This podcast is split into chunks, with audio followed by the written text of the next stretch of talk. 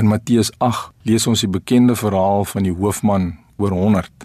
In die gedeelte sien ons dat Jesus hom verwonder het oor die baie spesiale man. Nou waarom was die hoofman oor 100 so spesiaal dat hy Jesus so beïndruk het? Dit is waarskynlik die enkele persoon wat die grootste kompliment van Jesus ontvang het tydens Jesus se tyd op aarde.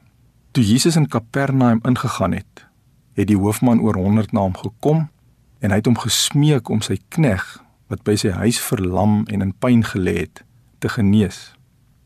Jesus het hom toe geantwoord en vir hom gesê: "Ek sal kom en hom gesond maak." Waarop die hoofman gereageer het deur te sê: "Here, maar ek is nie werd dat u onder my dak inkom nie. Maar spreek u net 'n woord en my knegg sal gesond word." En toe Jesus dit hoor, was hy uiteraard verwonderd en hy het na sy volgelinge gedraai en vir hulle gesê dat hy selfs in Israel nêrens so groot geloof gesien het nie. Dit was dus die onwrikbare geloof wat die hoofman oor 100 in Jesus gehad het wat Jesus so beïndruk het.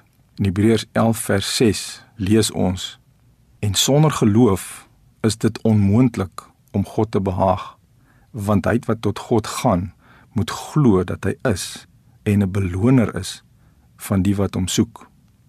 'n Boeregemeenskap in die Midweste van Amerika het by geleentheid 'n biddiens vir reën gehou omdat daar vir etlike maande geen reën in daardie streek geval het nie en die boere asook die ekonomie van die streek in die algemeen baie swaar gekry het. 'n 11-jarige dogtertjie het by die biddiens opgedaag en met 'n groot reënsambreel het sy in die heel voorste ry gaan sit. Sy was opgewonde en sy het 'n verwagting gehad. En sy het ook tydens die gebedstyd opgestaan en die Here spontaan begin dank vir die goeie reëns wat hy gaan stuur in antwoord op hulle gebede. Sy het met ander woorde vasgeglo dat God 'n beloner is van die wat hom soek. Kort nadat sy klaar gebid het, het die eerste druppels begin val en lieflike reëns het die knellende droogte in die streek tot 'n einde gebring.